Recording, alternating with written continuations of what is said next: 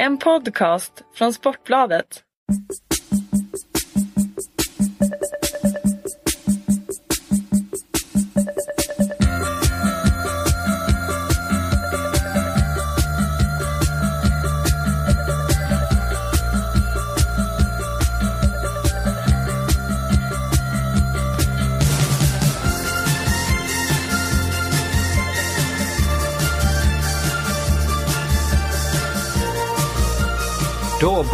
51% fotboll Sportbladets podd om Allsvenskan tillbaka.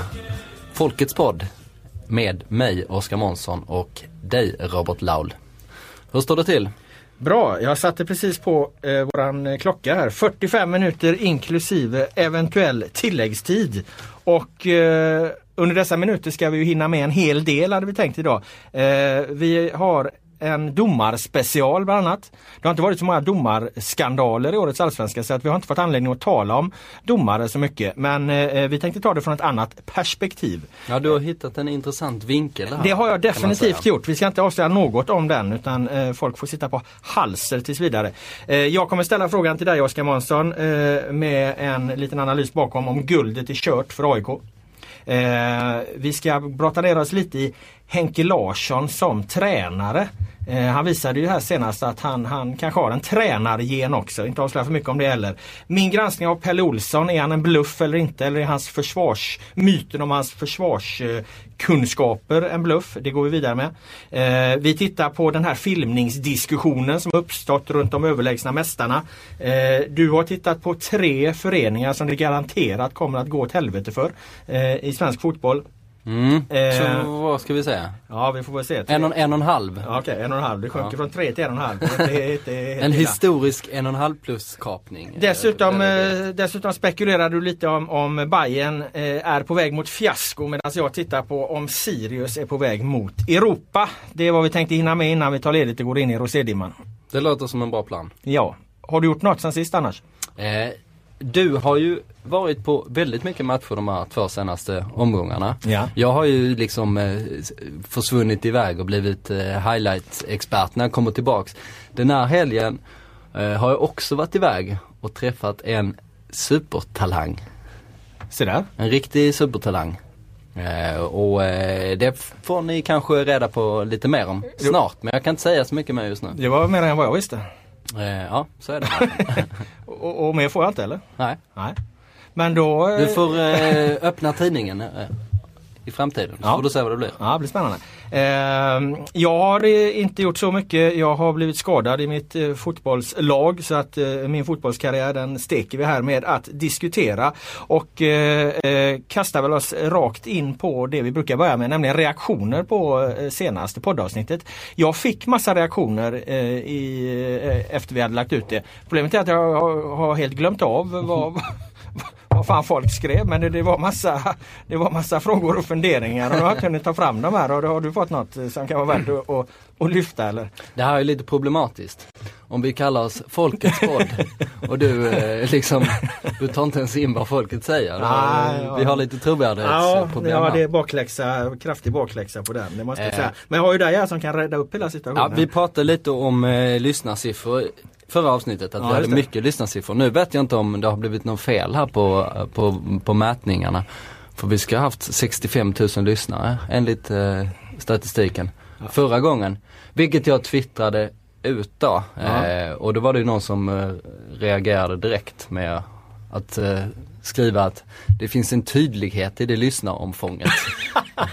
De plockar upp Björn Westerholms beskrivning om den långa markanen alltså att det finns en tydlighet i det yttermåttet på 197 centimeter. Det var en vaken lyssnare, det får vi säga. Ja men det har jag faktiskt fått ganska mycket respons på just den diskussionen. Det, Ja. det verkar som det varit eh, kul. Lite upprättelse också som highlights-expert.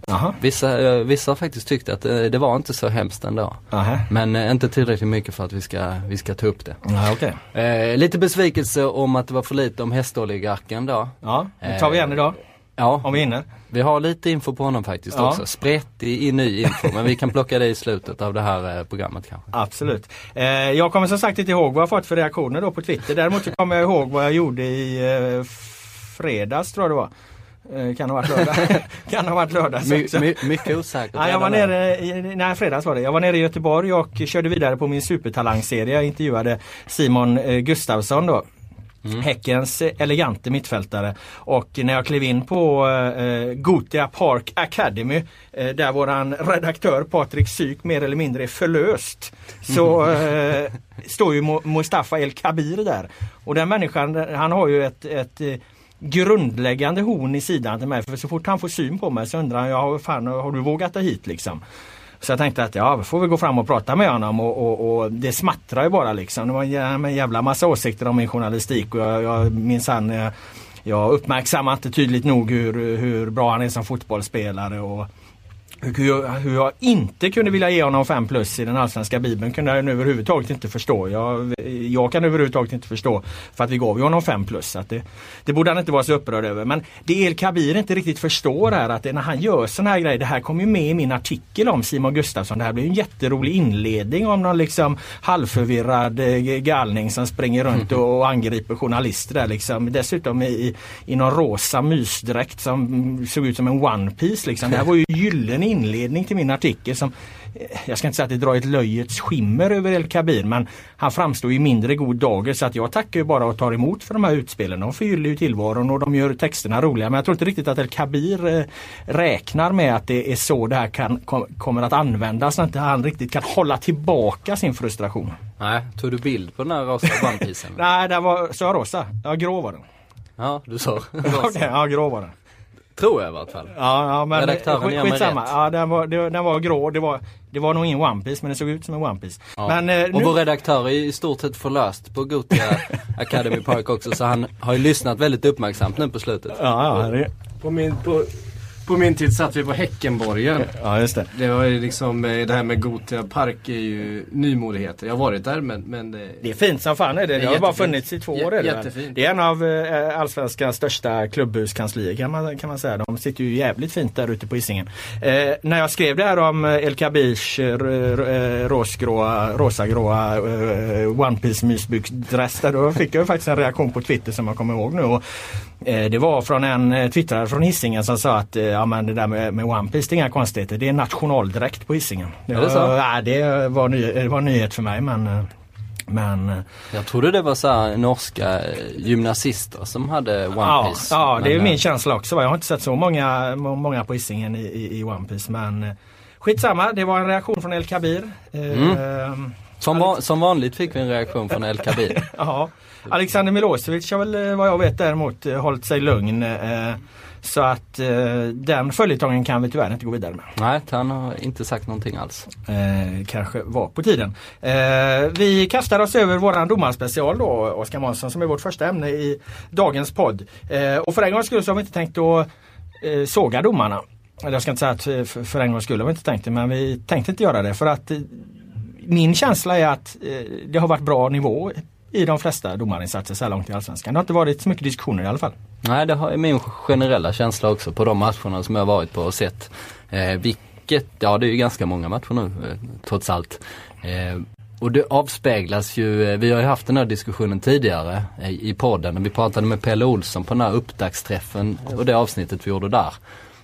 om att eh, att det är för mycket fokus på domarna i det journalistiska perspektivet. Du och Pelle tyckte väl det, jag var väl lite både och. Eh, eh, för jag tyckte också att man måste fokusera väldigt mycket på de matchavgörande situationerna och sen ja. så får liksom, eh, så hoppas man att folk kan ta det liksom att, att själva effekterna av det kan man kan inte vi ta så stort ansvar för på något sätt. Hur som helst, Eh, vi har ju inte skrivit särskilt mycket domarvinklar den här eh, säsongen och det är ju ett tydligt tecken på då att eh, de har inte varit i fokus. De har åtminstone inte varit inblandade i särskilt matchavgörande situationer. Och, och känslan överlag då, jag har delat ut rätt eh, bra domar plus betyg efter de flesta matcherna jag varit på också. Det har varit 3-4 plus ofta då, alltså, vilket är betydligt högre än de flesta spelarna man sätter plus på. Den insats som jag spontant kommer på som inte riktigt har hållit måttet det var ju Bojan Pancic i matchen mellan eh, Malmö och Djurgården där man såg att han eh, tydligt hade problem med det höga tempo som var, var i den matchen. Jag tror inte han är van att döma den typen av stormatcher där tempot kan skruvas upp och, och eh, den sortens kritik som jag då framförde, det var mycket snack om de här straffsituationerna. Jag försökte mer ta ett helhetsperspektiv på det, att han inte riktigt hängde med i tempot. Den kritiken tycker jag ofta är mycket mer relevant än de här enskilda eh, avgörande situationerna som någon råkar missa. För domare kommer ju alltid göra misstag. De säger egentligen inte så mycket. Däremot så säger ju en, en analys av att ja, men i den här matchen hängde domaren faktiskt inte med. Den säger ju något som är betydligt mer relevant kan jag tycka. Ja, så är det. Eh, Och det gör vi tyvärr lite för lite av den typen av domarjournalistik. Vi är ju väldigt fokuserade på de enskilda misstagen och, och inte riktigt lika mycket på, på helheten. nej, eh, det är en relevant poäng.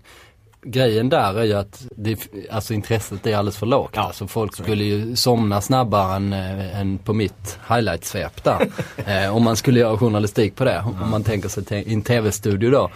Eh, om man inte skulle gå igenom de här två straffsituationerna direkt efter en match och analysera dem. Utan snarare liksom eh, sitta och rita pilarna på domarnas löpvägar och sånt. Så jag vet inte, jag tror inte det gått hem så mycket sådär. Men, men, det, men, det, men i grunden en relevant poäng för det är ju det som, det är ju så man ska bedöma en domare liksom eh, alla andra aktörer. En domare som fick mycket uppmärksamhet och som ju antagligen var obekanta för de flesta det var ju den här Glenn som dömde eh, i- IFK Göteborg Falkenberg och han fick ju stor uppmärksamhet på grund av sitt namn då att han dessutom dömde i Göteborg. Alla heter ju Glenn i, i, i Göteborg som alla vet. Eh, och eh, Glenn Nyberg då vars pappa Per-Inge Nyberg också var en domare så att den här, den här Glenn alltså kan man ju säga att Per-Inge han visslade väl och sen kröp han ur livmodern och så föddes han rätt in i, liksom i, i ett liv till att bli en framstående domare. För han är född 88. Han är rätt ung, han har bara gjort tre allsvenska matcher totalt.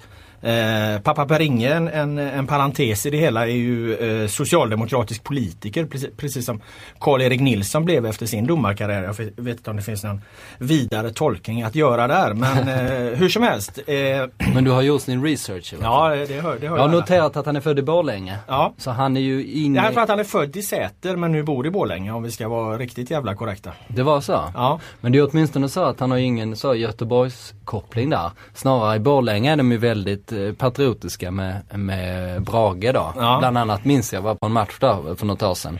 Och då gick eh, sportchefen för Dalarnas tidningar, eh, han blev halvtidsintervjuad. Och då talar han hela tiden i vi-form.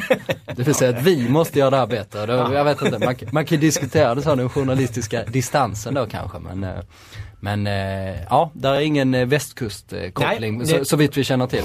Det finns det inte. Eh, Glenn dömde ju en straff där i, i, eh, för IFK Göteborg då. Och det var därför det här eh, uppmärksammades då att Glenn gav Göteborg segern.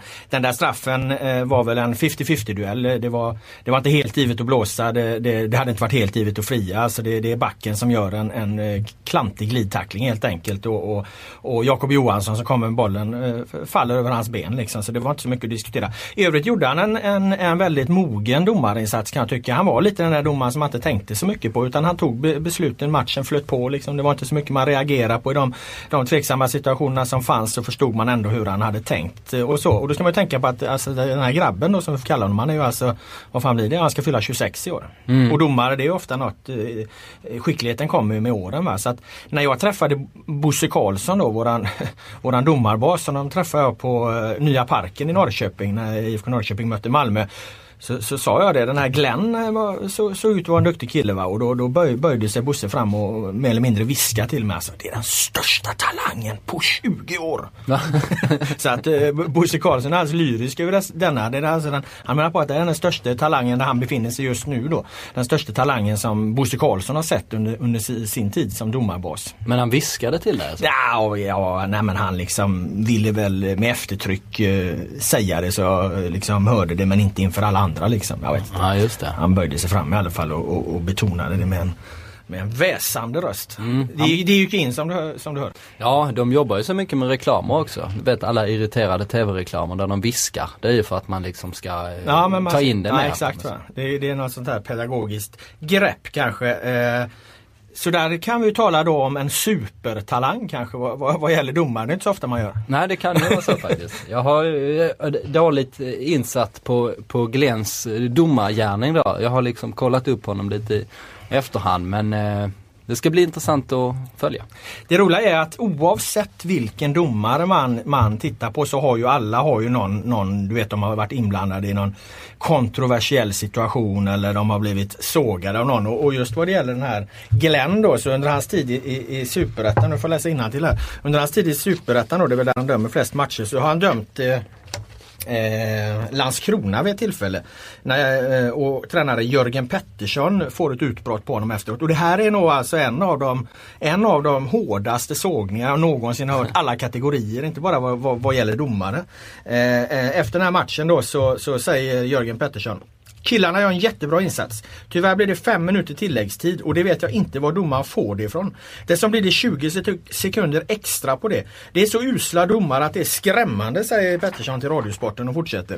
Eh, det är till att håna grabbarna det här. De är amatörer hela jävla högen domarna. Jag kan inte hjälpa att domarna inte kan räkna, att de inte kan klockan. De måste väl gå i grundskolan först. Det verkar den här inte ha gjort. Säger Jörgen Pettersson då om, om eh, Glenn Nyberg och det, det är en rätt rejäl sågning. Ja. Han menar ju på att den, det får man ju Glenn, kalla det. Glenn är ju förvisso ung va men, men nog fan har han nog gått grundskolan va men det, det hävdar Jörgen Pettersson att han inte har gjort. Ja enligt den researchen jag har gjort så har han faktiskt gått ut Har du kollat upp att han har gjort det? Nej jag har inte det. Eh, men Däremot så har vi ju förberett oss lite grann eh, ja. här. Ja, för det här leder ju oss in på en legendarisk intervju Eh, med en anonym fotbollsspelare som eh, Sydsvenskans Lars eh, Darberg som ju är en fenomenal fotograf egentligen. Men han åkte i alla fall för en herrans massa år sedan ner och träffade ett svenskt utlandsproffs då i fotboll och den här intervjun som man skulle göra med honom den blev så konstig så att han, han, kunde, han kunde egentligen inte göra något material av det men många år senare så skrev han ner intervjun på sin blogg. Och sen har den spridits med vinden då. Eh, och, och, allt talar ju, allt väsentligt talar ju för att den här intervjun är med Jörgen mm. Pettersson. Vi kan inte vara helt säkra på det men allt väsentligt eh, talar för att det är Jörgen Pettersson. Och det är ju intressant eftersom Jörgen Pettersson här i det jag läste upp tidigare eh, sågar eh, domar Glenn för att inte ha gått i grundskolan. Så det är rätt intressant att lyssna på hur den här intervjun går till. Och då har vi tänkt oss att jag är då Lars Dareberg. Jag har ingen aning om hur han pratar så att jag pratar som jag brukar prata. Mm. Du är Jörgen Pettersson Pettersson och du pratar som Jörgen Pettersson brukar prata. Jag vet, jag vet hur Jörgen pratar och ja. Eh, kan förhoppningsvis imitera det bättre än vad du äh, imiterar Lars äh. Ja, ja, Men jag, ja. jag ställer frågorna och du äh, ger mig svaren helt enkelt. Mm, vi kör på det. Det börjar med att de träffas och då säger Lars Dareberg Kan vi sätta oss i kafeterian? Ja, hur lång tid tar det? Det beror på vad du har att säga. Ja, jag har inget att säga. Uh, har proffslivet blivit som du väntade? Ja. Vad hade du förväntat dig? Ja, det här. Är inte Mönchengladbach en håla? Jag bor inte i Mönchengladbach, jag bor i Ryte.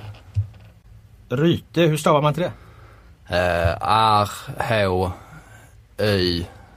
Nej, jag vet inte. Du får kolla upp det. Är Ryte ett samhälle eller en förstad till Mönchengladbach? Nej, jag vet inte. Jag bara bor där. Hur många mål gjorde du i våras? Sju. Inget under hösten? Jo, ett i min debut. Åtta totalt då? Nej, sju. Okej. Okay. Hur många landskamper har du gjort? Ja, sju, sju, åtta.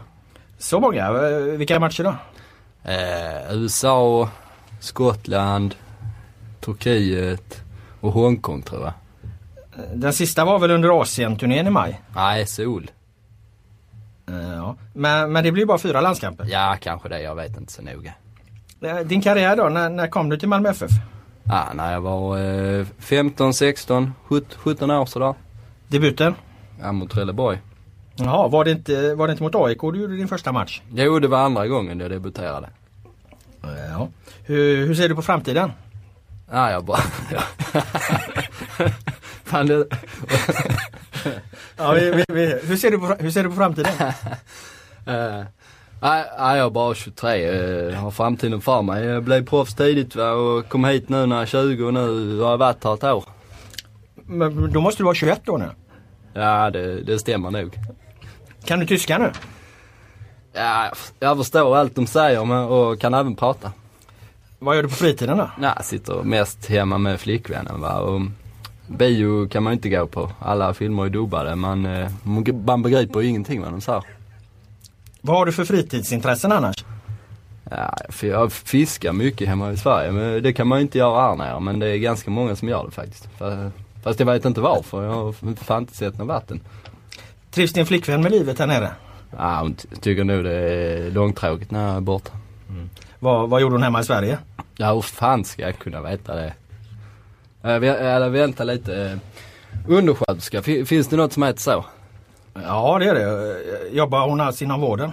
Ja, något, något inom vården var det nog. Så där eh, lät det väl ungefär då när eh, den utmärkta fotografen Lars Stareberg intervjuade Jörgen Pettersson. Våran Häckenredaktör här nu han skrattar så, så han kiknar. Alltså, jag vet inte hur många gånger han säger emot sig själv liksom i samma mening. Så här, "Ah, jag gillar att fiska men det går inte att fiska här nere men det gör de ändå men jag vet inte hur.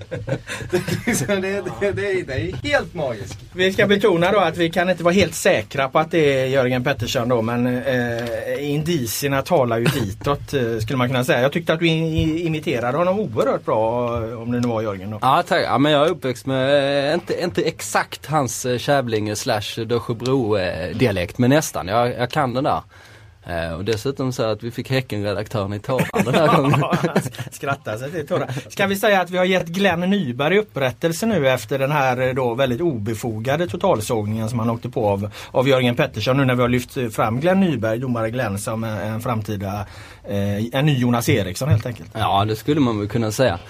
Däremot så noterar jag eh, nu innan, innan jag läste den här fenomenala intervjun. Så kommer jag att tänka på Rickard Norling. Han hade ju Jörgen Pettersson vid sin sida eh, i Malmö där. Jörgen Pettersson var assisterande tränare, ansvar för eh, anfallsspelet på något, eh, tror jag han, han var. Eh, och eh, då sa ju Rickard Norling att det kommer små färgglada fåglar ur Jörgen Petterssons Det sa på själ en upptäcktsträff ja. och landar på spelarnas fingrar. Just det. Och eh, det citatet limmar ju inte riktigt med eh, den, det jag läste upp nu. Men kan det inte vara färgglada fåglar som landar på spelarnas fingrar? Var det så? Mm. Du tänker att Jörgen är rödhårig eller? Nej, jag tänker att eh, han kanske säger saker, det, där- att det där inte ska tolkas så, så vare sig djupt eller filosofiskt egentligen utan mer att han kanske lättar upp stämningen precis som han lättar upp stämningen i den här studion genom sina svar på Lars Darebergs frågor. Ja, jo kanske. Att, att, att Rickard Norling med, med, med var inne på något sånt. Alltså, en, en, gubbe som ger sådana här svar, han kan man ju tänka sig att ta en lunch med. Ja, i och för sig. Det är ju, eh, det händer ju mycket. Ja. Man, eh, man blir ju glad själv när vi läste, läste igenom fan, det. humöret är på topp. Eh, När jag träffade Jörgen på upp, upptaktsträffen för ett par år sedan till Superettan, då, var, då gav han samma svar till mig i vart fall eh, när jag frågade honom om, om vad, vilka som skulle vinna Superettan och, och vilka som skulle trilla ur liksom. Det var bara så här, oh fan ska jag veta det? Ja det är väl det är väl Hammarby eller, eller nej jag vet inte. Man vill ju mest bara härifrån va.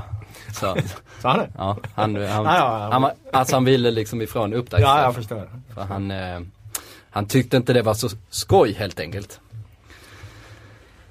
Vi lämnar eh, Glenn Nyberg och Jörgen Pettersson med, med det. Vi kanske kan återkomma till Jörgen Pettersson en gång. Eh, ja, du? vi får väl se. Ja, vi får se. Eh, om vi inte har något mer att säga om eh, eh, domarna i år. Jag tycker som sagt att de har varit ganska bra. Det är någon, möjligen eh, Andreas Ekberg i, i Djurgården. Eh, BP där var alldeles för petig också. Men det kanske är detaljer. detaljer. Vi ger domarna godkänt så här långt och eh, granskar dem vidare när det har spelats ett par omgångar till.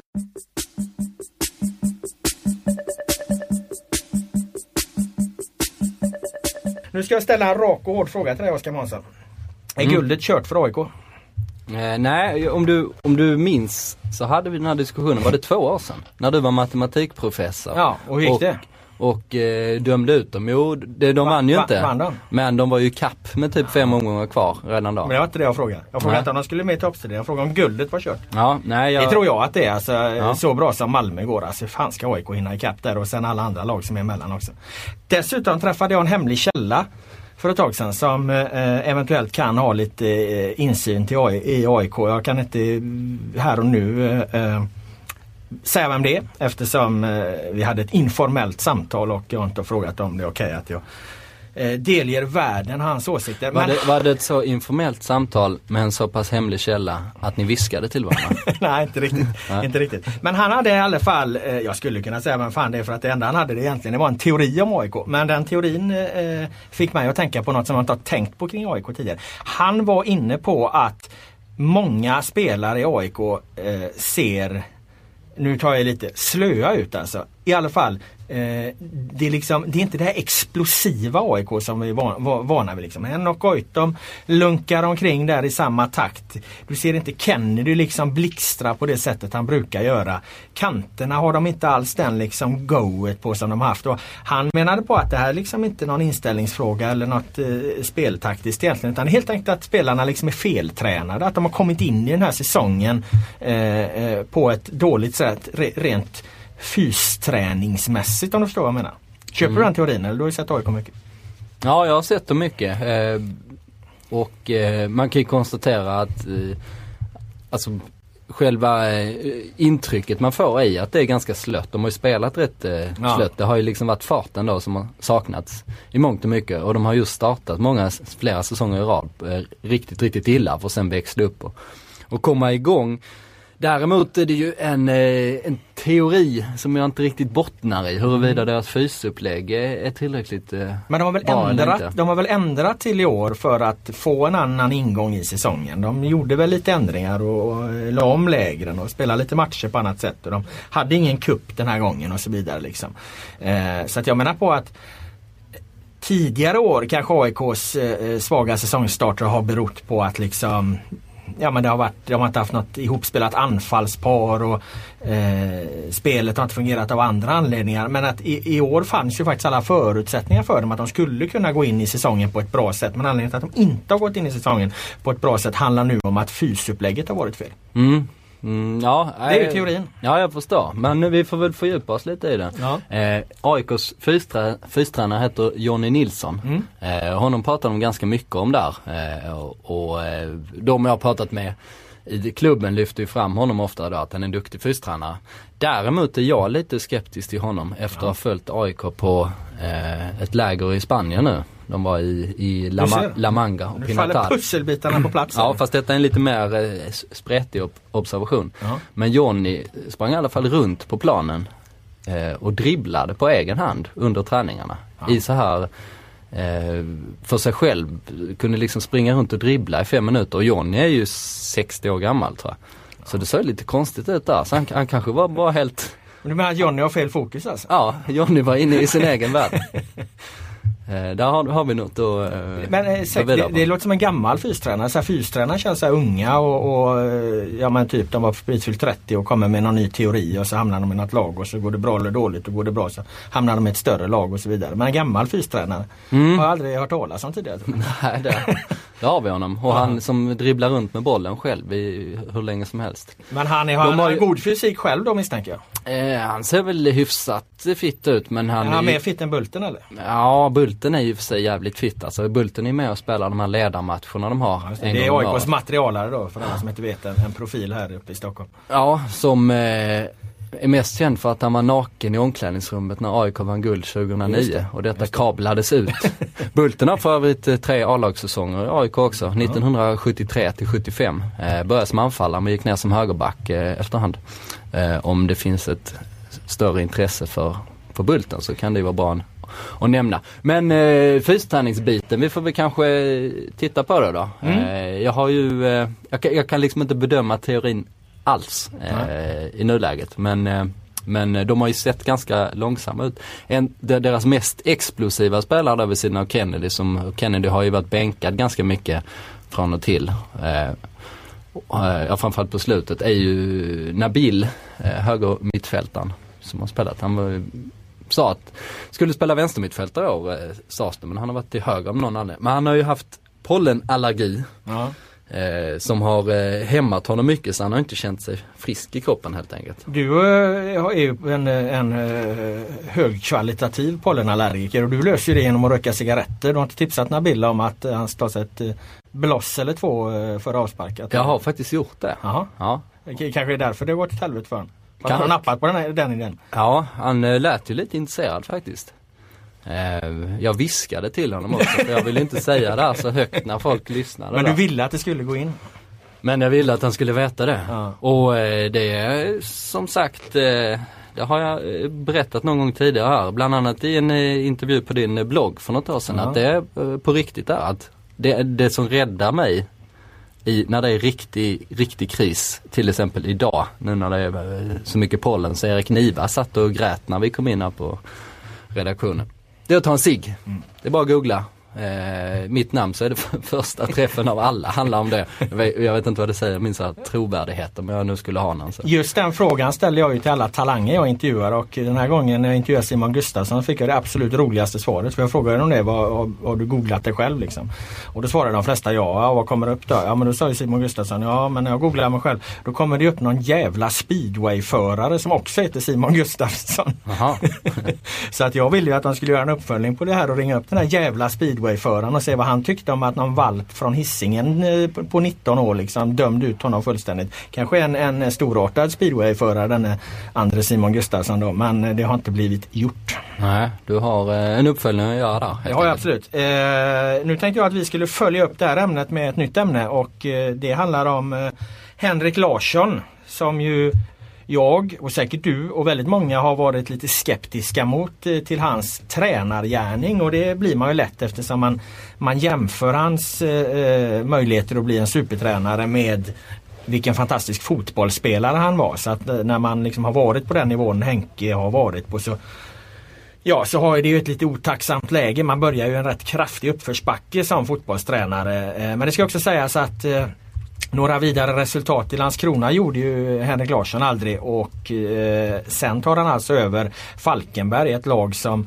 inte särskilt många andra tränare var intresserade av att ta. Dessutom är det ju ett ganska märkligt avtal. Det är ju inte så att det är något långsiktigt projekt de här ska bygga tillsammans. Det är ju ingen liksom kärnfamilj de ska hamra ihop där utan det är ju ett ettårskontrakt vad jag förstår liksom och det, det åker de ur så, så är han väl borta därifrån. Men nu har jag nog sett ett av de första tecken på att eh, Henke kanske inte är så dum som tränare ändå. För jag var ju nere i Göteborg och såg eh, Falkenberg mot eh, eh, Blåvitt då. Och Ja, du var imponerad av, Ja, alltså, av eh, hur de ja jag upp. tänkte ju att de skulle då komma och spela som lag, eh, sådana lag brukar göra. Du vet, parkera bussen som det populärt heter. Men de klev upp, de klev på, hög press. De visade exakt hur sårbara IFK Göteborg är eh, eh, och hur känsliga IFK Göteborg är för press. Och det är kanske ingenting han, han vinner några, några eh, tränarpriser för Henke att räkna ut det. Men de gjorde det väldigt konsekvent och bra. De stängde igen kanterna. IFK Göteborg vågade inte spela upp på sitt centrala mittfält eftersom de inte riktigt litar på att de löser det. Då blev det långa bollar upp mot Robin Söder och Malik Mané och där har de ganska rejäla mittbackar. Sen har de ett extremt hårt jobbande innermittfält, eh, eh, Falkenberg. Knödde in yttermittfältarna som också tog kampen ganska bra. Och, och gjorde ju det där till en, en, en helt jämn fotbollsmatch. Eh, väldigt mycket utifrån taktik då och givetvis också utifrån att Blåvitt är ett begränsat lag när de hamnar i den typen av, av matchbilder på hemmaplan där de lätt blir lite stressade och så om de inte får in ett mål i början och så här. Men, men eh, det var intressant att se, se eh, Henke som, eh, som en taktiker. Det har man ju inte riktigt noterat tidigare. Nej, man har ju funderat mycket på det. Eh, Eller jag har åtminstone gjort det, hur, hur bra tränaren är egentligen. Eh, och när han började i Landskrona då, då var det ju supertydligt att han var eh, influerad av Barcelona då, Pep Guardiolas, eller den gamla Barcelona tiki-taka modellen helt De skulle enkelt. spela 4-3-3 och allt det här. Precis, och de skulle spela kortpassningar.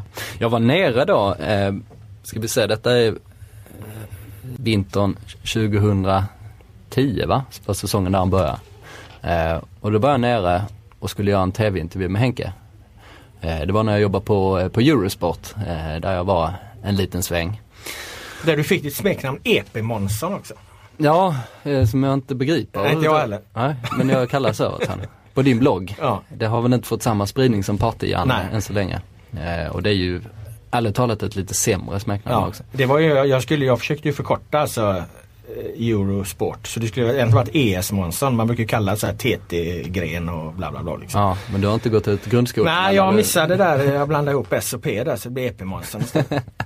Alltså, så, Kan det vara? så kan det vara. Ja. Men eh, då träffade jag Henke där nere i vart fall och eh, då var han eh, väldigt, väldigt reserverad då. Eh, precis som han varit som, eh, som spelare. Man kan inte bara klampa in hur som helst. Men då hade vi ändå åkt då, jag en kamerakille, då hade vi ändå åkt liksom från eh, Stockholm och åkt ner och det var minus 15 grader på Landskrona IP. Eh, och det var väl i ja, slutet av januari eller någonting. Och det var ju så kallt så vi kunde inte sitta där så vi fick sitta på en pizzeria vid sidan och sen efteråt då så kom vi och pratade med Henke och då, då föreslog jag då liksom att eh, ja, kan vi först göra en kort tv-intervju och sen så kanske bara sitta ner och snacka lite också så, så skriva någonting också. Så, så bara Henke sa, nej antingen får det vara det ena eller det andra. Han. Ja. Så jävla typiskt Ja, Henke. så och när, när allting inte, inte är exakt förberett och, sk- liksom, och planerat, han vet exakt vad som gäller. Då får det inte komma några nya, liksom, nya grejer. Nej. Då bara då tvärslår han ut. Och eh, det var inte så att vi var, det var jättemånga journalister där. Det var nog bara vi som hade gått ut i Landskrona på hela den dagen liksom där. Eh, men det fick bli en liten kort tv-intervju som inte blev särskilt bra i ärlighetens namn. Det blev väl blev inget speciellt av det. Men hur som helst, det man fick fram där var att han var väldigt in, eh, inspirerad av Barcelona och då har han ju ändå liksom, han har Martin O'Neill i Celtic under många år och han har eh, Sir Alex då eh, lite erfarenhet. Så han har liksom kunnat plocka gräddan verkligen av de, som, av de allra, allra bästa. Eh, men han har inte fått så mycket utväxling då i Landskrona. Det gick ju inte särskilt bra. De nämndes ju lite som uppflyttningskandidater de första säsongerna. Det kanske inte riktigt fanns fog för det. Det kanske var lite Henke Henke-effekten. Ja, lite sån optimism kanske. Eh, så att han fick det här jobbet i Falkenberg var ju egentligen bingo för honom. Att bara få ett allsvenskt lag sådär eh, plötsligt. Jag kan, de ringde faktiskt från Skottland i, i vintras. Eh, jag har lite skotska kollegor som jag har rätt mycket kontakt med för jag har varit i Skottland och- skrivit en del. Eh, och då ringde de och berättade att eh, Inverness ville ha Henke. Eh, som då en liten klubb från norra Skottland som egentligen inte ska kunna utmana alls. Men som låg tvåa i ligan ganska länge efter Celtic. Eh, nu säger jag att de har halkat ner till femte plats, eh, är långt, långt efter men det är ändå en bra, bra säsong av dem.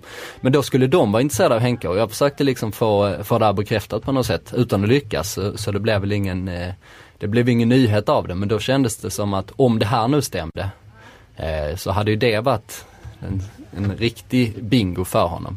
Men eh, Men jag tror att den där bingon kommer komma. Han är så stort namn i, i Skottland och Glasgow så att han kommer en vacker dag ta över Celtic oavsett vilka resultat han gör här i, i Sverige. Jag tror det funkar så. Och nu är han ju kanske då faktiskt på, på väg att och, och, och göra något hyfsat. Det är ju ingen som har några förväntningar på vad han ska göra med Falkenberg. Men han har ju ändå skapat ett, ett, ett svårslaget lag. Va? Det finns ju lag som förlorar betydligt, eh, sina matcher betydligt lättare i den här allsvenskan så här långt än vad, vad, vad Falkenberg gör. Och, Jag tror det krävs ett stort mod faktiskt att göra det Ja. du beskrev. Jag tror eh, att det är parkerad buss som gäller i 9 av 10 fall. Det krävs faktiskt något annorlunda om man är som nykomling då, kommer till, möter Göteborg och eh, verkligen kliver på med hela laget och vågar göra det. Det krävs faktiskt någonting. Sen har de ju, det, sen är det ju så att de har ju inte den kvaliteten framåt så att de, de, de kommer aldrig att hota speciellt många lag offensivt liksom. Utan de får göra det på sina villkor och, och det tycker jag hittills att de har gjort bra. Eh, från Henke Larsson till Pelle Olsson då. Jag granskar ju Pelle Olsson om hans försvarsmyten, eh, om hans försvarsspel då försöker jag liksom ta mig in i här. För att alltid när man har pratat om Pelle Olsson så har man ju lyft fram det här hur- vilken fantastisk försvarstränare han är och, och det var det han skulle göra i Djurgården och, och så här. Men det har ju blivit precis tvärtom. Jag har ju varit inne tidigare då på är, är han en bluff? Jag har ju ställt frågan här i, i, i podden och vi har ju inte levererat något svar på, på om Pelle Olsson är en bluff ännu. Eh, Men Ja, eh, jag var väl ganska tydlig i sig med att, att jag bara avfärdar den där eh, Men frågeställningen. eh, det är ju sex omgångar i spelade och, och, och Djurgården det är mål i alla riktningar. De öser in mål framåt och, och, och de släpper in en hel del bakåt också. Så att försvarsspelet har han ju inte satt. Vad han definitivt har gjort det är ju att han har fått fram eh, eh, de offensiva spelarnas kvaliteter, deras skicklighet. Det ser ut som att Radetinak nu som spelar mer, han trivs. Simon Tibbling trivs eh, i en roll som han egentligen inte trivs i. Eh, han är bra där. Eh, den här forwardsituationen med tre potentiella startspelare. Det, där går ju hur smidigt som helst där och, och sätter du den på bänken så gör han mål när han hoppar in. Va? Priovic som avgjorde mot eh, eh, eh, eh mot BP. Så uppenbarligen har ju Pelle Olsson ett gott öga för eh, hur slipstenen ska dras framåt också. Mm. Uh, det kanske är slarvigt av oss som inte har sett det på det sättet tidigare men, men då är det i alla fall hög tid att revidera bilden. Mm, men jag tror ganska ofta man ser det så. Folk, eh, eller ofta blir analysen att har du en god organisation så är du en defensiv tränare. och har du lite sämre organisation så är du offensiv där blandar man ihop begreppen ganska ofta då. Vi, ja. vi pratar om Janne Andersson då som får sägas vara en liksom ganska traditionell tränare då med 4-4-2. Man, man bygger på enligt eh, den eh, svenska modellen. Eh, och de hade ju sin säsong i fjol med 45-47 i eh, målskillnad. När jag har träffat eh, Tom Prahl eh, som Eh, var i Trelleborg de sista åren och väldigt framgångsrik i Malmö och Halmstad innan dess. En väldigt skicklig eh, tränare tycker jag. En av de, eh, de bästa eh, som vi haft i svensk fotboll.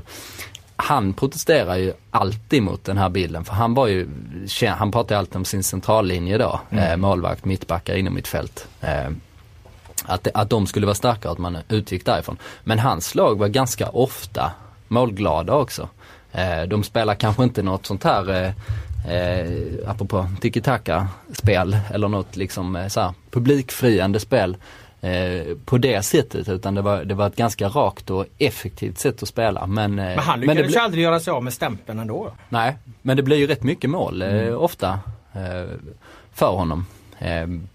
så det, man kan vända och vrida lite på det där. Man, om man tar det beror på vilken typ av lag man har. Om man tar det svenska landslaget nu eh, som har massor med individuella kvaliteter då, där Zlatan står för 50% av dem på något sätt. Så kanske man hade behövt att ha en, en eh, Lagerbäck. Det är kanske han som hade passat som bäst nu när vi har mm. snarare brister med på eh, mittbackspelen då med lite, lite yviga mittbackar som, eh, som inte, de är inte särskilt säkra utan liksom mer mittbackar som sticker ut.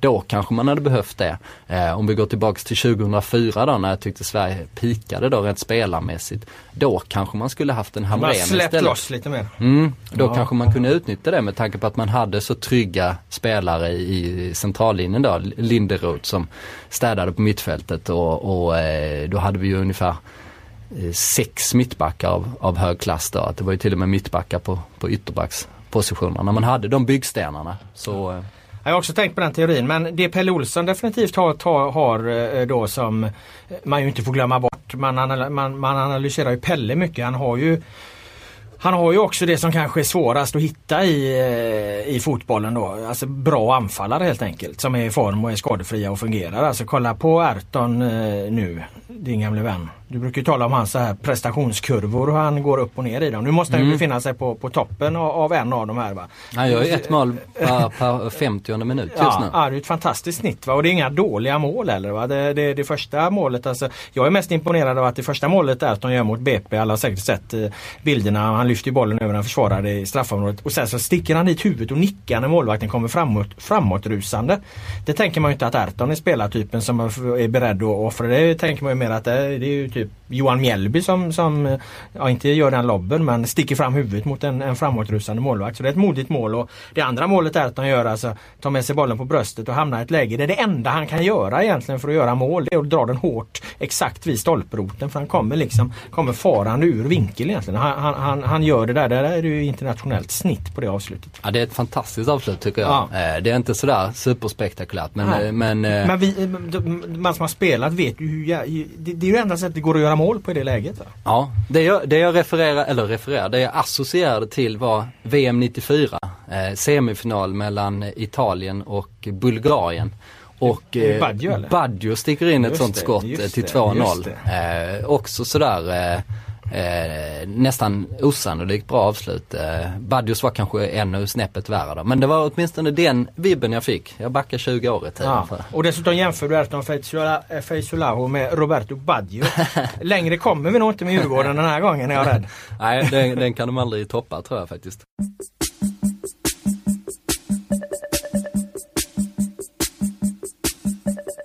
Jag var ju på eh, Nya Parken som sagt i, igår när det här spelas in då. Norrköping, eh, Malmö. Eh, jag såg något som skulle kunna göras till en reklamfilm för svensk fotboll med tanke på att Norrköping hade fem unga egna produkter i startelvan. Eh, Malmö FF hade sex som man då räk- räknar med Marcus Rosenberg. Han är ju en egen produkt men sen har han varit iväg och kommit hem. Men, men eh, sex stycken med honom. Alltså halva lagen består av e- egna, egna produkter. Det tyckte jag var kul att se. Som dessutom gör det ganska bra i de absolut flesta fall. Linus Wahlqvist, eh, högerback i IFK Norrköping, född sent 1996. En av de här U17-spelarna. Spelar jätteklokt och moget. Han skickade in Emil Forsberg i en reklamskylt och, och han sköt i ribban och han satte exakta eh, uppspel som frispelade anfallare och så. så att, eh, mycket, Där har, vi, talang. Inget där har vi en talang kan Ja, säga. kan vi säga. ska inte lägga något prefix. Nej, nej, vi säger men en- inget mer än så. Och det är inget nytt vad gäller Malmö men, men Malmö fortsätter ju ändå på den här vägen. Rakip var från start, Kron var från start. Som sagt, nu lyckades väl inte de något vidare. Eh, men eh, som sagt, man skulle kunna göra det till en eh, reklamfilm för svensk fotboll. Mm, det är en ganska positiv trend. Det, det borde vi göra ett, ett grepp på rent Ja. eh, journalistiskt där. Som du säger Norrköping, Malmö, bra exempel. AIK ser eh, också bra ut och många 90-talister som de fostrat själva. Brommapojkarna som tidigare varit eh, extremt överskattat som talangfabrik. En stämpel som talangfabrik utan att egentligen få fram särskilt många framstående spelare eh, med tanke på ryktet de har haft då. Men på senare år så har de ju slussat in eh, mycket spelare då som har, som har eh, spelat i Allsvenskan och de fyller på. Det finns säkert, eh, jag vet inte om du kan komma på fler lag som sticker ut på det sättet spontant. Men, Nej det gör det eh, säkert. Alltså, det är många lag som har blivit mycket bättre. har Örebro varit. till exempel har ju oerhört eh, lokalt lag. Ja, de de, har har ju näst, nästan hela startelvan Ja. är ju från eh, Närke eller där omkring. Och Kalmar kanske, Kalmar sticker ut med unga spelare, man kanske inte sticker ut så mycket så här men däremot så är ju Kalmar jämfört med Kalmar för några år sedan extremt eh, duktiga med sitt talangarbete i, vad gäller att få fram spelare till så ungdomslandslag och så. Där har de gjort en jävla resa. Så att, eh, Fal- det händer. Falkenberg har eh, för sig plockat lite spelare här och därifrån men de har ju aldrig köpt en enda spelare. Och, eh, och ligger i Allsvenskan. Mjällby plockar ju upp ganska mycket från närområdet också. Det har de ju alltid gjort. Så, eh, ja men det, är- det är kul när eh, man får en lokal prägel på lagen. Det, det stärker ju liksom identiteten och det bygger mycket de värdena som, eh, som svensk fotboll ska slå mynt av på något sätt för att allsvenskan ska bli en, en serie att eh, engagera sig. Den unga spelare jag har på nät innan när vi talar om det, han är dock eh, inte från närområdet utan han är från Sierra Leone, Alhaji Kamara som kvitterade för IFK Norrköping. Såg du när han drog av sig tröjan efter det målet? Han blev varnad för att han drog av sig tröjan men han blev väldigt glad så han fick en varning. Men såg du när han drog av sig tröjan? Ja, de, bo, de borde ju dragit tillbaks varningen när de såg hans superkropp. Ja, alltså det, var, det är inte ofta man ser en, en så extremt vältränad fotbollsspelare i Allsvenskan. Alltså. Nej, det var en eh, hun- 100 meters eh, löparkropp där, utan tvekan. Kan du något om honom? Eh, ja, ja, han, han, jo lite grann kan jag väl. Eh, han kom ju till Djurgården i eh, Sierra Leone-hype-vevan efter eh, de båda Bangurerna hade kommit eh, till eh, eh, AIK då via, via Värnamo respektive Köping i, ja, i division 1 och 2. Eh, så ville ju alla hitta sina guldklimpar från Sierra Leone eh, och då placerades lite spelare här och där. Eh, Sierra Leone är ju ett litet land men de, de, den talangbanken som fanns hamnade i, i Sverige då och då plockade Djurgården upp honom. Och han slog eh, inte riktigt där då och sen så gick han väl direkt till Norrköping då tror jag och, och varit där ett tag. Och nu är han alltså Snabb, snabb anfallare. Ja, och nu är han Allsvenskans bäst tränade spelare, vågar vi slå fast det? Eller, eh, Ja, Han är jag, definitivt mer tränad än, eh, bättre tränad än Anders Båth. Ja han har eh, en bättre sexpack än honom. Eh, Alhaji Kamara som spelar i eh, Örebro som vi pratat om tidigare har också en osannolikt eh, välsvarvad torso. Han gör så här om det var Men vad heter han samma sak eller? För du sa samma sak nu. Alhaji Kamara. Ja, eh, Crespo, Crespo. men Al-Hassan kan man Ja just det. Ja, de Crespo. nästan samma. Men han har likadan kropp också i vart fall. Han ska göra liksom så här tusen situps om dagen. Är han också från Sierra Leone eller? ja, han, han hur var Bangura eller hur är de då? Är de också extremt vältränade? Ja. Det kanske är någonting med, med... Ja, de har bra gener där alltså. Eh, båda bangurerna är också extremt tränade, men inte riktigt i den klassen. Däremot har vi eh, Panayotos Dimitriadis. Jaha. Eh, Fan det var en eh, Där har vi- dark horse måste jag säga. Han är Ja. så jävla tränad alltså. ja, han Panus. Han borde ju göra reklam för Panus eh, Emporio. eh, Ja, badbyxor. Ljungskile, vår gamle vän eh, med badkläderna där. Ja, som, vi- som en grekisk gud ser han ut i badkläder. Där har vi också ett, eh, ett framtida knäck Ja, att göra. tror du han går med på det? Bildextra. Ja, vi får väl kolla. Ja, det borde vi definitivt kolla med honom. Det blev ju en debatt efter den här matchen, eh, Norrköping-Malmö. Det är väl en debatt som har legat och grott lite grann liksom att Malmö anklagas för att filma och då inte, inte du vet de här traditionella filmningarna eh, där man eh, försöker få en straff eller någonting utan att Malmö på något vis eh, konsekvent använder sig av att eh, lägga sig ner om de får en liten smäll i, i uppspelsfaser och så här. Och kanske när de leder matcher och så, så ramlar de oerhört lätt. Och så. Har du, hade, du, hade du liksom hade den tanken föresvävat innan vi satte strålkastarljuset på det i dagens tidning? Nej, det hade jag nog e- egentligen inte gjort. Eh, De hade väl ett par Jimmy Durmaz var mycket Ja. falla och mycket sådana här fula eh, efterslängar och sånt och sen så väldigt oskyldig ut efteråt. Men jag tänkte på det när jag såg matchen igår för Marcus Rosenberg föll ju Ja. oerhört tydligt. Eh, Han sökte kontakt och sen så fort kontakten eh, kom så föll han och så fick han frispark med sig då. Men det här blir inte jag särskilt upprörd över alltså. För att jag menar och det kanske handlar om att jag själv har spelat forward, jag vet inte. Men jag vet ju, får man en, den behöver inte vara så jävla hård knuffen. Men en rutinerad mittback vet ganska väl hur han liksom ska störa en forward i, i bollmottagningsögonblicket. Då får du en liten, liten tryckare va. Så tar du en lite sämre touch och då är risken liksom att du får den lite för långt ifrån dig och så kommer någon annan jävel och nyper bollen av dig. I det läget är det lika bra att ramla va, för då har du ändå fått dig en liten, en liten tryckare i ryggen. Mm. Så Nej, jag, jag- jag, kallar inte detta för filmning. Förstärkning, ja men det tycker jag är okej. Ja, jag är lite med där, också. Det kan vara ännu mer tydligt om du har en eh, målchans eh, och du, du ska avsluta, du får en knuff eh, och du har valet att stå på benen om du liksom kämpar verkligen. Men du har ju blivit berövad din chans att sätta bollen i mål. Ja. Eh, då, då tycker jag man kan kosta på sig eh, att falla. Kan man säga. Däremot eh, tycker jag liksom de flesta att, att så här, eh, solklara filmningar har inte, har inte spelat till. Det, är- det är ju ett, eh, ett fusk då. Det finns, ju, det finns ju fler fusk på planen såklart men det är det ju om det är, ja om du stuper likt eh, Glenn Strömberg mot eh, eller Tjeckoslovakien framförallt de här 1985. som jag kan, det jag kan rätta men det är ju de här liksom som eh, överdriver smärtan något sin i helvete. Det, Mm. kan jag, det kan jag rätta mig på liksom. För det har ingenting. Att, liksom att, att, att förstärka eller eh, ja, lura sig till en situation liksom på planen. Det är inte så stor skillnad mot, mot en, en osynlig tröjdragning som försvararna ägnar sig åt. Men just det här med att, med att låtsas ha fått något så fruktansvärt ont och så. Det, det, det, det, det, det köper jag inte. Vi pratade lite om eh, Henke Larsson i förra avsnittet när han kom hem Ja. med sin rutin. Vilka tjuvknep han höll på med och hur mycket han drog nytta av sin, eh, av sin rutin där liksom. Hur han visste hur domare betedde sig och, och hur motspelare bestäm, betedde sig. Och jag tror Marcus Rosenberg är ganska lik där. Om vi har Gebenga Arokoyo i den ena Ja, skala, änden av skalan så har vi nog Rosenberg också i den andra. För han får ju mycket med sig eh, på så sätt. Eh, Det var det både Jan Andersson och Åge Hareide efteråt pratade om det liksom att det här är en kille som har varit ute internationellt. Va?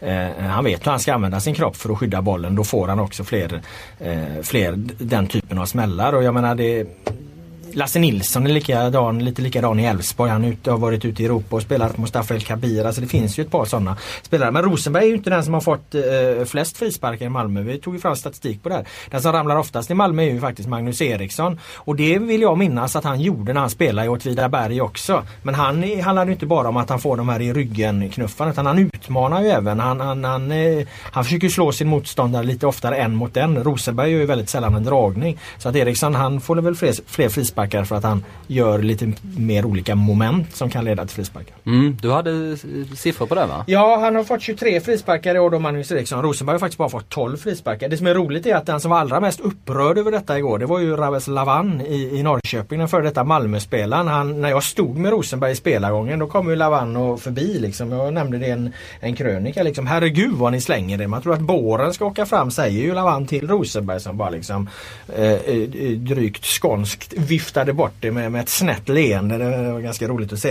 Eh, men Lavan är ju tvåa i hela jävla frisparksligan. Han har ju själv, eh, själv eh, fått eh, då tilldömt sig 18 stycken frisparkar. Ja, Okej, intressant. Ja, ganska intressant. Och då, det lag som har fått flest frisparkar i år hittills det är AIK. De har fått 80 frisparkar. IFK Göteborg 76. Malmö 75. Så i den där listan är Malmö bara trea. Och att, att både AIK och IFK Göteborg ligger före är ju lite anmärkningsvärt för att det är ju inga eh, possessionlag. Så, eller har inte, AIK kan ju vara det men har, varken IFK eller AIK har ju varit det så mycket år. Men de har fått mycket, mycket frisparkar. Så ser man på det då att AIK etta, IFK Göteborg tvåa, Malmö trea. Det är ju de tre största klubbarna som får mest frisparkar. Och det går ju i linje med den här, det som man talar om över hela fotbollsvärlden egentligen att storklubbarna eh, är eh, särskilt gynnade av eh, domare och så här, genom sina hemmaklackar, genom att de kanske ofta har bollinnehavet, genom att de har, ofta har bra lag och så. Jag kan eh, vara en teori på spåren här. Ja. Eh, David Slavan eh, är från Malmö då, från början. Eh, och han tog steget upp i A-truppen när Marcus Rosenberg var den stora stjärnan. Säsongen 2005, då hade precis Malmö vunnit eh, guld eh, som då hotades av Marcus Rosenberg som var utlånad till Halmstad och fick sitt stora genombrott och var så bra där så att han bidrog mycket till att Halmstad nästan snuvade Malmö på guldet. Men 2005 var han tillbaks i Malmö då som den stora stjärnan och då hade Lavan som 18-åring tagit steget upp. Eh, och det var rätt mycket hype kring honom. Han var anfallare på den tiden också, eller ytter möjligtvis, men han var i alla fall en offensiv spelare. Nu spelar han inne mittfältare. Eh, och då var det mycket hype kring honom. Det satt en banderoll på Malmö stadion då. Eh, där det stod något om Lavan, alltså vår nya stjärna eller, eller vad det nu var. Det var någon som alltid hängde där. Och Lavan, men han fick inte chansen utan eh, Rosenberg var ju steget före och sen så eh, Lavan, han ju aldrig slå igenom till Malmö innan han drog eh, vidare till Danmark som typ eh, 20-åring eller något i den stilen. Så han kanske... Eh, Men att kan, åtta år senare, nio år senare så såg han sin chans till, till att ta hämnd på Rosenberg. Det har varit och grott i honom och nu fick han äntligen sitt tillfälle här. ja, vad säger du om det? Du som Ja, teorisnickrare. Ja, ja, den, den, vad är det man säger? En, en bra hämnd serveras bäst eh, kall va? Säger de inte det i Italien? Jo, så säger de väl. Du ser. Jag vet inte om det är just i Italien men, det, men kanske. Ja, men jag tror det. Det kan, är det maffiasammanhang? Ja, lite så. Det, det är inte omöjligt att, att Raves Lavan eh, resonerar så. Eh, vi har ett par punkter kvar på vårt körschema här. Eh, dock har vi inte så mycket tid kvar för vi blir utkastade här om fem minuter. Oskar, du får helt enkelt välja. Antingen får du prata om eh, Hammarby eller också får du prata om de tre lagen som det kommer gå åt helvete för eh, i år. Mm. Vi, eh, vi, jag har inte så mycket att säga om något av det så vi, vi, vi betar väl av båda ganska snabbt. Ja, okej. Eh, nej men när vi spelade den här podden förra veckan, Ja. eh, då missade vi precis, vi spelade in den precis innan hela det här Åtvidabergs kaoset Ja, uppdagades. nyheten kom väl i princip när vi satt i den här studion så kom det att eh, eh, Mohammed Abu, Abu Bakari hade, saknade eh, arbets och hade spelat fem matcher då. Att eh, Åtvidaberg där, därmed skulle riskera poängavdrag. Ja precis, det var eh, då, fotbollskanalen som eh, uppdagade det där. Pigg nyhet. Ja. Eh, Eh, däremot så, så känns den, där, den storyn känns lite halvkall. Ja, den kan det vi verkar nog som att lämna. det, de löser det. Ja det verkar som de löser det, så den kanske vi kan lämna. Syrianska eh, står på randen till konkurs, de har vi pratat om. Eh, om eh, uteblivna löner och, och eh, tränare som försvinner för att de inte vet om att de tränar laget. Eh, Just det, brassen där som var här var på semester i Sverige i tre veckor och eh, uppfattade det som att han skulle komma ner och leda ett par träningar medan Syrianska uppfattade det som att han skulle ha laget hela säsongen. Sen skulle brassen åka hem till Brasilien igen och då stod ju där Syrianska, du kan ju inte åka hem nu, du ska träna oss i år. Vadå i år? Jag skulle bara ha det några veckor och så åkte han tillbaka till Brasilien. Han var här i Sverige för han hade någon släkting här eller hur det nu var. Det var Erik Nivas version i vart fall. Ja. Eh, sen finns det eh, tio versioner till. Men vi, vi håller oss till Ja, Nivas. fan, tycker jag. De har eh, nu då tydligen skrapat ihop de här pengarna. Bland annat via liksom, sociala medier, eh, insamlingskampanjer och Jag sånt. trodde att du skulle säga via att David Fjell har varit där och köpt kebab. Men. De eh, har inte redovisat alla intäkter för sig Nej, så det det kan de vara, inte eh, det Nej, kan vara var Fjäll som har åkt ner och käkat faktiskt. Vi får, vi får kolla det med, med David till nästa vecka kanske. Men eh, Så de klarar sig också då? Alltså, Ja, de- ingen, ingen kaos i Åtvidaberg, ingen kaos i Syrianska. Har du något kaoslag egentligen? Ja, vi får väl se om det, om det är sista ordet då. Kronofogden ha- hade fått, har inte fått pengarna men de har fått någon slags garanti på att pengarna ska komma in. Det var två miljoner då tror jag. Eh, och det måste de ha nu inom, inom några dagar. Så vi får väl återkomma till det. Men det ser ut som de reder ut stormen nu. Däremot har vi Tyresö då. Eh, Tyresö FF Stamer som är i Champions League-final men har 9 miljoner i skulder. Eh, inga intäkter att prata om. Men det är ju så pass illa så att det är ju staten som eh, betalar här, liksom statlig lönegaranti när man inte själv har råd. Så, eh, Men där har väl fotbollsförbundet nu gått in och sagt att eh, eh, med de här siffrorna så får ni ingen ny elitlicens och, och, och då blir det ju ett Örebrofall av det om jag förstår saken rätt och då petas de ner en division om de inte löser det här nu fram till oktober har de väl på sig då. Mm, och det är bara att utgå från att de, de kommer att åka ner. Det, Ja. det är ju något slags världsrekord i att leva över sina tillgångar faktiskt. Ja den här ekonomin ser mycket värre ut än vad, vad, vad Örebros någonsin gjorde och Örebro blev ju ändå nedpetade så att ska, ska förbundet ha någon, hålla någon form av konsekvent linje där så, så ska ju även Tyresö skickas ur eh, Allsvenskan. Ja, och det tycker jag. Rolig detalj där. Eh, de värvar fyra eh, brasilianska spelare efter alla de här superstjärnorna de plockat in då på, på löpande band. Värvar de fyra brasilianska spelare nu eh, för några månader sedan. Och då ringde vår, eh, eh, en kollega till oss upp och eh, frågade då Hans Lindberg som är ordförande i föreningen. Eh, och då så, fråga eh, Kajsa var, kollega Kajsa Nordmark frågade eh, Men det måste ju kostat en himla massa pengar, frågade hon. Tvärtom, svarade Hans Lindberg. Jag vet inte, det symboliserar Tyresö-andan på något sätt. Dessutom ska de ju är ingen lö- positiv anda det. Dessutom ska de ju lösa det här via ett biståndsprojekt. Där Tyresö via ett biståndsprojekt säger att de ska få in 4 miljoner kronor. Och i min värld är ju bistånd lite mer att bistånd i Afrika, kanske att man ger lite mer pengar än man får pengar. Så det är liksom, ja det är så många frågetecken eh, kring det där. Det vår kollega Kristoffer Bergström skrev ett otroligt bra reportage om eh, uppgång och fall. Det läste jag faktiskt. turerna. Det satt jag och läste när jag var på väg hem från eh, Göteborg i, i lördags där. Det var en mycket intressant tågläsning. Mm, det rekommenderar jag alla att eh, läsa. Så de, eh, där har vi en klubb Ja. Som är En- på väg käpprätt åt Eh, åt helvete. En av tre är på väg åt helvete. en och en halv sa jag ju, Ja, så syrianska har jag inte riktigt fria, friat Eh, heller. brasklapp där. Men eh, Hammarby eh, ser du också att eh, du har ju hyllat dem i början här men nu, nu det, ser det inte lika bra ut för dem längre. Om vi ska eh, landa i vårat lilla superettan eh, paket här på slutet då. Ja, detta är väl lite konstruerad punkt också Jaha, för att de har okej. inte spelat en match sen eh, förra veckan när de Ja, förlorade mot Ängelholm. De möter Ja. Sundsvall i eh, kväll, tror jag det blir för de flesta som lyssnar på det. Eh, på bortaplan där eh, avsparkstiden har varit eh, det största eh, diskussionsämnet då. Hammarby, Hammarbys supportrar är ofta irriterade på tv-bolagen och, och i det här fallet Kevin Walkers uppträdande i, i Sundsvall på någon slags eh, var valborg tillställning. Ja. Hur det nu var. Men det är fortfarande han eh, Walker alltså som ställer till det med tiderna. Det gjorde han ju förra året också med hans jävla idoldeltagande. Är det handlar det här också om honom? Ja om jag har förstått saken rätt Jesus, hur länge ska det hålla på?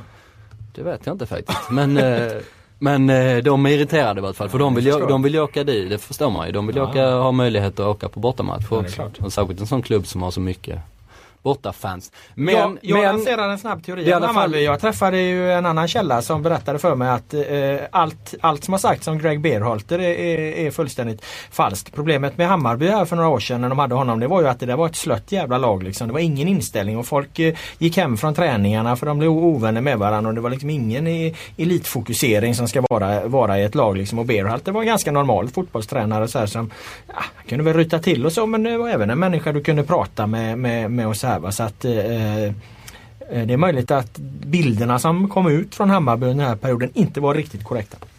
Nej, det kan stämma. Jag har pratat med mycket folk där också i efterhand eh, och det är ofta lättare för oss att prata med folk som har lämnat klubben. Mm. Och det har varit ganska enkelt i Hammarbys fall för där har de ju bytt ut eh, hur många personer som helst både på ledarsidan och, och spelarsidan också. Men eh, nej, det är dags att kanske fördjupa sig i det, vad som har hänt de sista åren om man ska backa bandet. Ja Eh, framförallt om det då vänder och går bra för de här nu och det ska tecknas dokument eh, inför en eventuell uppflyttning. Eh, Ett lag som däremot är på väg mot Europa med stormsteg, det är ju mitt fokuslag här i. Det är ju Sirius som ju efter två tunga förluster i Superettan, de, de vann ju premiären här va, sen har vi förlorat två raka matcher. Men efter en, liksom en bragdartad vändning mot Degerfors Eh, så är de ju tillbaka på vinnarspåret här nu igen. De låg alltså under med, med, med 1-0 och sen gör Kim Bergstrand offensiva byten. Han får in Jonathan Berg bland annat. Han får in eh, vår gamle vän Dalil Ben Yahia och eh, vänder den här matchen med, genom mål i 86 87 och 91 minuten som vinner med 3-1 borta mot Deger, Degerfors. Eh, Jonathan Berg gör ett mål och, och slår en hörna till det andra bland annat. Vilket är ett oerhört styrkebesked inför eh, Svenska cupen semifinalen mot eh, Elfsborg. Är Jonathan, Jonathan hetast i familjen just nu Ja det är fan tveksamt alltså att avgöra en grekisk cupfinal. Vad fan är det när du liksom skjuter Sirius mot Europa som man ju kan göra mot, mot Elfsborg då. Det är ju inte alls omöjligt att, eh, att eh, eh, Sirius eh, tar sig till final i eh, Eh, Svenska cupen. Det skulle jag säga för att vad fan nu ska ju Elfsborg åka här till en knölig jävla potatisåker då på Studenternas. Den, eh, den består väl av, eh, av någon blandning av is och jord den fotbollsplanen och det vet vi ju att det gillar ju inte Elfsborg att spela på. Hästa-Bengt, våran, eh, våran oligark där, han har ju inte byggt den här superarenan som ska klara av det europeiska spelet ännu. Men det kanske är en fördel i det här fallet för att eh, Elfsborg skulle nog kunna få problem där. Mm, men han kommer bygga den där redan på ett par veckor. Ja, vi hoppas att han inte gör det nu då eftersom, eller hoppas hoppas, men eh, eh, vi, vi håller ju en liten tumme för, för Sirius. Vi gillar ju de här kaxiga uppstickarna. Ja. Hästabänk, där har det kommit mer info om förresten. Just det. Till mig. Hästoligarken. Hästoligarken. Vi har mer... Det Eh, var oerhörd besvikelse ute i stugorna när vi inte nämnde honom eh, eller Sirius förra veckan. Ja det var det. Det var det vi fick mest reaktioner Ja, så på. var det. Det var det jag fick reaktioner, nu kom jag på det. Det var det alla jävlar hörde av sig. Att vi inte hade pratat om Sirius. Ja, men Ja, eh, vad var det nu? eh, vi hade ju den här socialistiska miljardären. Just det. Som bygger på att man först är socialist och sen miljardär. Men nu ska viss del av verksamheten bestå av cancerforskning och botox.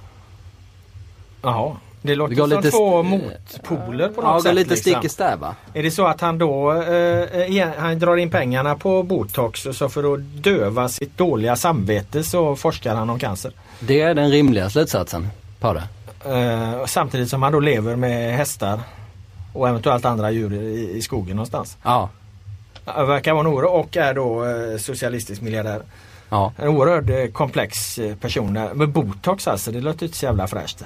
Nej, eh, men eh, det, det ska handla om det. Jag fick någon eh, länk men jag har liksom inte vågat gå in på den riktigt än. Nej. Utan jag vill, eh, jag vill portionera ut informationen kring honom. Har du fått någon eh, information kring vår hästoligark? Eh, nej, det verkar ju som att de delger dig den. Jag håller med koll på laget här och, och, och noterar som sagt det offensiva bytet av Kim Bergstrand och att de besegrar Degerfors borta trots att Johan Arne inte är med i den här matchen. Nu är väl han tillbaka till cupsemin mot, eh, eh, mot Elfsborg då. Så att det ser väl bra ut på alla fronter för, eh, för Sirius utöver att deras eh, pengastarke man då eventuellt kränger botox på fritiden. Det vet jag inte riktigt hur jag ska förhålla mig till. Där sjönk han lite. I, Men om du ser det rent sportsligt liksom, tror du att det finns, är han rätt ute, är han rätt bransch för att liksom eh, fortsätta kunna pumpa in pengar i? Ja det tror jag definitivt. Alltså jag menar skönheten eh, har ju inte eh, blivit eh, svalare på en herrans massa år. Va? Det, det är väl en bransch som det ständigt lönar sig att investera pengar i och kan han då återinvestera dem i, i cancerforskning, eventuellt Sirius, så, så är det väl bra för de verksamheterna. Men eh, det är ju ett cyniskt sätt att tjäna pengar på, det kan vi konstatera. Ja. Eh, därmed så har våra 45 minuter inklusive eventuell tilläggstid tickat iväg. Vi till och med en... Har flugit iväg, Ja, vi- likt Gerhard Sagers eventuella hår Vi med- den svenska cupen-lottning. Vi är eventuellt en minut eh, över tilläggstiden så att det är väl ett eh, lämpligt tillfälle att ställa en sista fråga till dig Oskar Månsson. Vad händer härnäst? Ja nu är det väl första maj, så Ja. nu ska man väl ut på gator och torg och, ja, ut med fanan och in i rosédimman som vi säger i Göteborg. ungefär så. Och någon fotboll blir det det? Eh, ja det blir det. Det blir eh, nog eh, in lite i den eh, allsvenska eh, dimman också efter Okej. rosédimman tror jag. Själv då? Nej, jag stämplar ut här nu. Jag har inte varit ledig eh, eh, mer än två timmar i sträck nu sedan januari. Så att jag tänkte faktiskt ta ledigt över valborg, över första maj och även över helgen. Så att jag ser vare sig eh, Malmö-Häcken eller IFK Göteborg-Elfsborg som är de stora matcherna. Djurgården och Åtvidaberg har vi också på söndagen. Här var det ju tre stora matcher. Men då är jag ledig. Och vi har Så- du- ett krismöte Gävle, Gävle mot Mjällby också. Just det, då slickar jag såren. Sen kliver jag på det igen på måndag och då tror jag att det är AIK Helsingborg på Friends. Så det är väl ett eh, lämpligt tillfälle att eh, borsta av sig dammet efter några dagars välbehövlig ledighet. L- låter som en bra plan. jag. Ja. Då tackar vi alla som har lyssnat och podden är väl därmed tillbaka nästa tisdag. Då plockar vi upp den omgången som vi precis sa att vi inte skulle se. Tack så mycket för att ni har lyssnat och eh, glad första maj på er.